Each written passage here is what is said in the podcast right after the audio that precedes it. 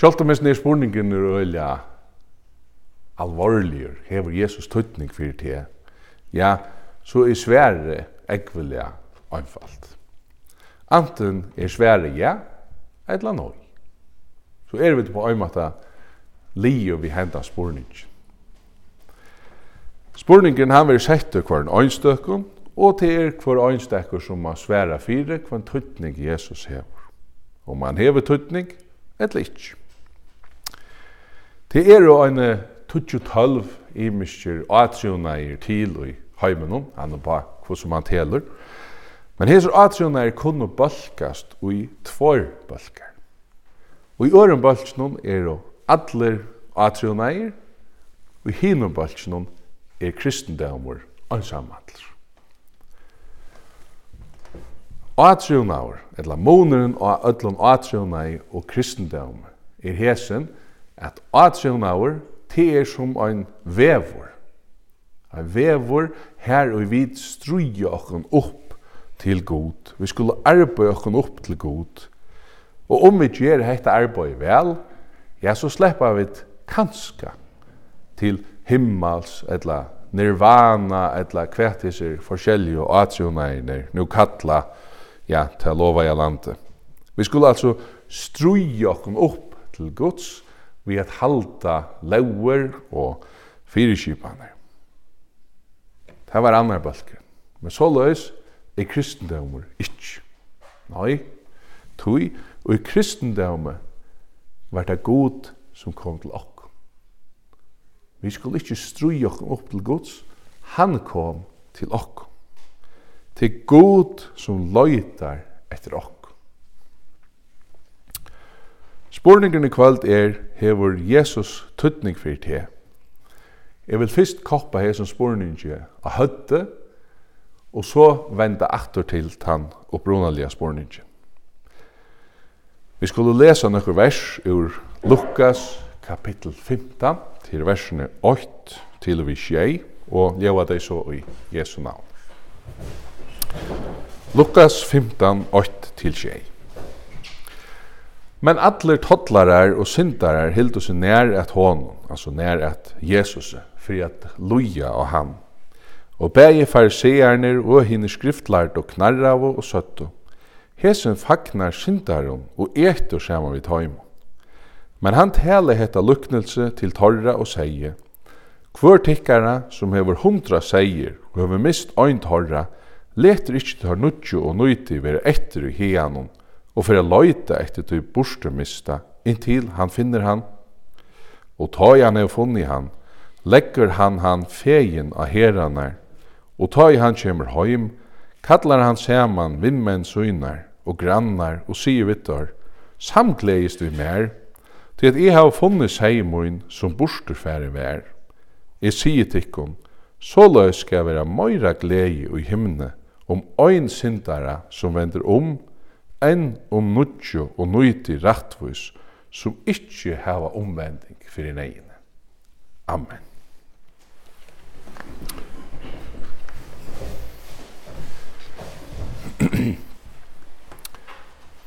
Det er Jesus som forteller hetta luknelse, og han forteller farseeren og, skrift, og tar med skriftlærd og hetta. Jesus forteller tar med hetta luknelse, og Tui at tøymon, altså tar skriftlærd og farsierne, tøymon damar ikkje at Jesus eter saman vi syndar, som tar annars halda at han ikkje skuldi haft via gjørst. Ta i tuiene, så var det at eta saman, det var en vie kjenning av tøymon som tu åt saman vi. Luknelse om hinn borster mista seien, som vi tørte, Det er det første av trimon luknelsen som Jesus forteller i Lukas 15. Hine bæg er og hin bostur mista drakkman og hin bursturfarne soner. All luknelsene heva sama iverskipa i evne, er missa og finna. Og vidri at hui som verur mist, vekser fyrir kvart luknelse. Fyrst er det ein av hundra seion, så er det ein av tuttju drakmon, og til endans annar av tvoimon sinum. Ta vi lesa hetta luknelse om hin bursturmista seien, ja, så må vi minnast til myndina fra Johannes kapittel 20, her som Jesus lyser seg sjálvan som ta gaua hira. Det er viktig å ha tevi i fyrir at skilja luknelse. Jesus forteller altså fariseerne og tar med skriftlærte hva du hiren gjer ta i han misser og seg bort. Høyast han øyer hundra seier. Ja, så hever hver øynstekker seier så større en tøytning at han fer fra tøymon nutjalfems for jeg løyta etter tøy øyna. Og her må vi understryka at tar nudjalfem segjene, tar heva det godt, tar er trykker, tog kan hiren færa fra dem. Men han fer altså a loita etter til øyna. Og det som hava sindri av skil fyrir seie, kom du sagt, a let han den øyna færa. Hvis du øyna nudjalfems, så gonger bare 8 år, og så øyna du vel mer enn 100 seier, hvis det er bare gonger hampelig vel. Men så løser Jesus ikke. Han løytar etter til øyna. Han vil finne okkon, såleis han kan bære okkon heim. Da Adam og Eva og i Edens hava høttu veri euløyen med gode, de euta av trene som god sier at de ikke skulle ete av, ja, så kom synden inn i heim. Og vi syndene, så kom òsne skillnaver i mittlen god og menneske. Sambandet mittlen god og menneske var bråte. Og mennesker kunne ikke langer være her som god vær. Men de ble kort ut ur etens hava. Men god fa i lov så vidar vid at søvan hon enda ikkje her. Guds kærløy, han er ikkje passivur. God sitter ikkje bæra i himmelen og elskar okkum. Nei. God han handlar. God han sendte sin son. Tui er vit hava au endalega tuttning fyrir han. Vit hava au endaligt vire og i Guds eion. Jeg har alltid vært hodtøysjen av, av oron, i øye nøkker og en fem et laksjåret. Eh, og or kunne fåast i nekvun imenskun prusklass. Det bør vel til at kjeipa et, et godt or, 4 000 kroner. Du kan stå kjeipa et dorstor fyrir 100.000 kroner, og heimsins dyrasta ur hever a vire oppa 330 millioner kroner. Og det er veriligt, det er vire. Men hva tar vi hese ordene til sama, vi fela hese troi, det er 4000 kroner, 400.000 kroner og 330 millioner. Jo, det er kunne si der hva klokkan er. Og tid det. Så hvordan kunne vi avsette vire av en lot? Hva er nekka verst? Jo, vi kunne sige om alt at det er verst til som onkur vil djeva fire hetta. Skulle man kjøpt dette ordet, heimsins dyraste ord, så skal man leta omlai 330 millioner kroner fyrir at ogna seg hetta ord. Så det vi er veriligt. Tui hevet tu enda endalit vir. 330 millioner ta først lær iverøvrig. Tu hever enda endalit vir. Tui er god han gav sin øynborna son, Jesus Kristus, fyrir at frelsa til.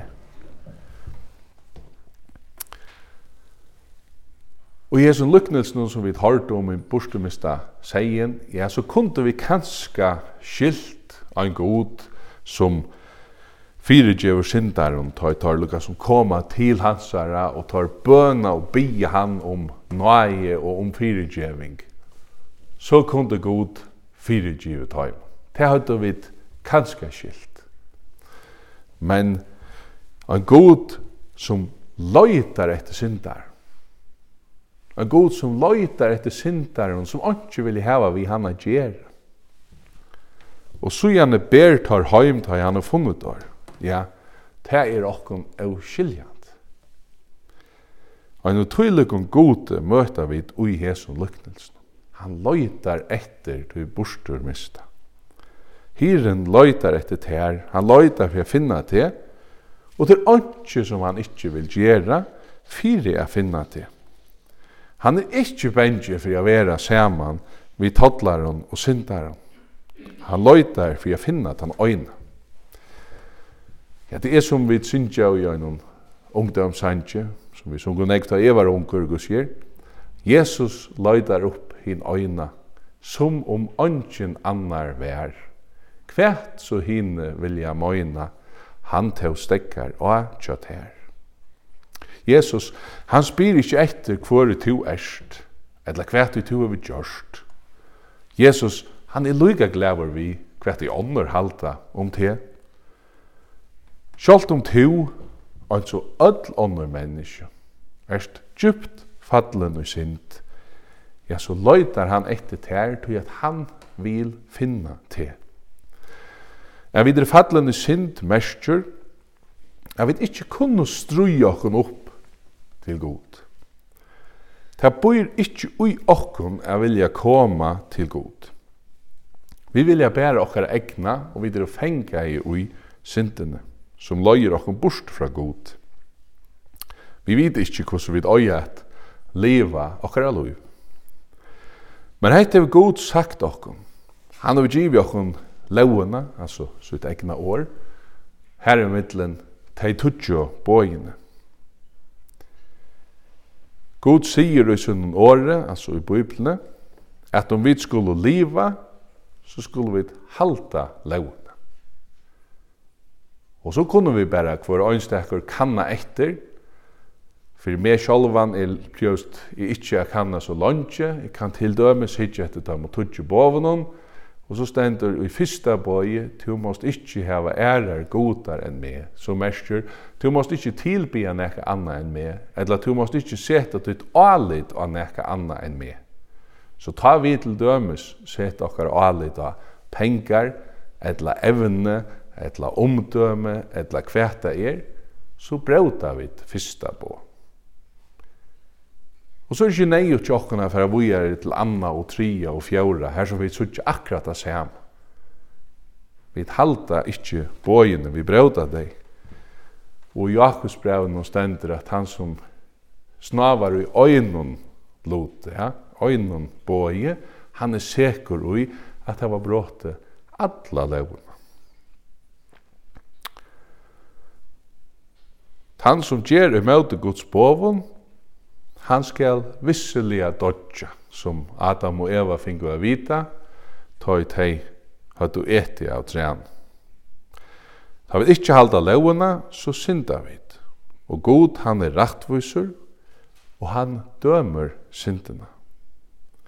Vi er öll syndarar, og ongin av okkon røkkur, eller kan standa mat, ta i god dømer.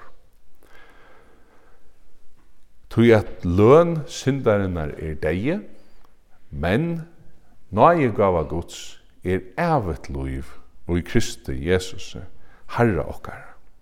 Hette er evangeli, hette er den gaue båskaperen. Tei som tryggva Jesus og hava sett sitt alit og han, tei få ikkje til løn som synden er visser. Nei, til Guds nøye at vi får evet loiv og Jesus. Tui at so elska i god heimen, at han gav son sin hin einbarna, til tess at ein og kvør som trur han, ikkje skal glætast, men hava evigt liv. God, han elskar te, og Jesus, han gav sitt liv fyrir at kjeipa te leisan fra evig og døme, som er ivetuna sint. Heit her er Guds evangelium, Guds gledebåskapur til tuin. Men hva gjør det vidt det, da du høyrer at God elskar det? Hever det nekra avvirskana til og tøyt liv? Hever Jesus tøytning fyrir til? Da vi skulle svære hesson spurningi, så har vi ofta hoa at løyta inn ui okkun sjolv etter å svær. Hever Jesus tøtning fyrir meg? Hever Jesus, øyer Jesus fremsta ploss i munum lívi? Føli jeg at jeg elsker Jesus? Ja, ta vi spyrja så løs, så er det så skjøtt at vi bytja okkara trygg og okkara kjensler, det som vi føler. Er det frelstur, ta i føler med frelsta. Jeg er frelstur, ta og jeg føle at jeg elsker Jesus. Men ta jeg svudje Jesus, ta jeg fedle for frostingum, ta jeg sinte, ja, så er ikke langer frelstur. Om vi bytja okkara trygg, okkara frels og okkara andaliga liv, og okkara hjärsta, okkara kjensler, ja, så er grundalegi ekvelia svigalit. Bibelen, hon heldur ikkje alltid så negv om okkara hjärsta. Med landa stendur tja Jeremia at svika fullt er hjärsta fram om allt anna. Altså svika fullt er hjärsta fram om allt anna. Til breka. Og hver kjenner til Hjärsta er altså et vanaligt barometer til at avgjera kvann tuttning Jesus hever fyrir te og fyrir meg. Heldur er det så løys, heldur er det ofta så løys i okkara løyve, at vi tar han fyrir neiene at bya gamle bønene som David òsni årar og i salme 193. Kanna meg god og kjenne mot hjärsta. Rannsaka meg og kjenne mot hugsa.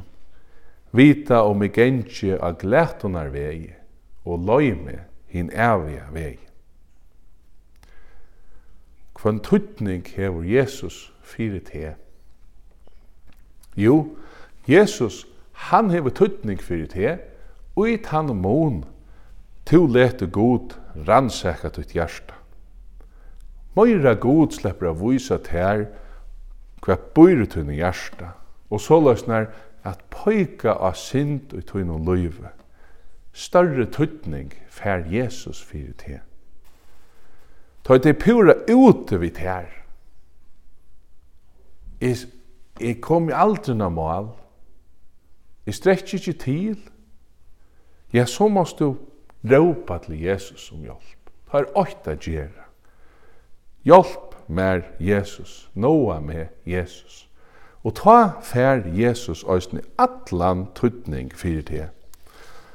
Ta letast tøyne hjertans eie opp, og tu fast ho at djeva Jesus alt. Men så hugsa tu kanska at du hever åndsje som du kan djeva Jesus. Jo,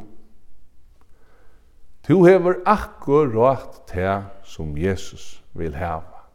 Akkurat te som Jesus innskjer seg det som honom longest etter. Og i salma 1,5 stendur, Offer til Guds er ein sundur bråten ante. God, du vrekar oi eit bråte og sundur fære hjarta. Til her som God vil byggva, og i ein tryllekon hjarta, som er bråte og sundur fære. Jesaja 6,5. Tui at så sier hin hot hevjei, som valdi hever om æver og øyder hin høylei. er byggve av høvun, høylavun steg. Tja hin hun sundebrotna, hvers hovur er nyer nøyter, til tess at luvka ho hina nyer nøyter, og hjarta hina sundebrotna.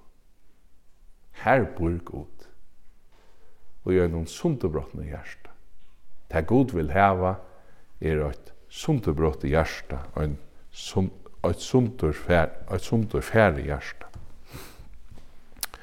Ta Jesus vísir tær kvann tutning tu hevur fyrir hann. Ja, ta er det som vi orunum, ta fær tutt loiv vir. Ta hever Jesus òsni allan tutning fyrir te. Jesus vil at du skal leva alt tutt loiv, alt tutt loiv, kvann det, kvann tuima, saman vi hon. Og han vil vera pastor av ötlund tunn liv. Jesus, han vil vera tunn beste viner, tunn veløyere, tunn herre og tunn frelsar. Vi er djeva god til alt tutt liv. Alla tunna tui, alla orsko, alla pengar, alla förlögar. Ja, ta kanst du sia, at han hever størst størstan tutning og i tøynum dagliga løyv. Bi god om kraft a fylgje honom etter og vysa tær kvossu høgt han elskar te. Ta kanst du vera tann som av hjärsta kan sia, ja, Jesus hever tutning fyrir meg. Tui, han hever frelst meg. Fra evig er glætan til evig liv, saman vi ser heima og i himle. Ta hetta misednast, ta du ikkje føler hekta, og du kjenner det sunt og brotna. Ja, ta skal du vite hetta. Blå Jesu, sonar hans herra, rønsar okkon fra allare synd, allare synd. Lat okkon prysa og takka Jesus fyrir det. Amen.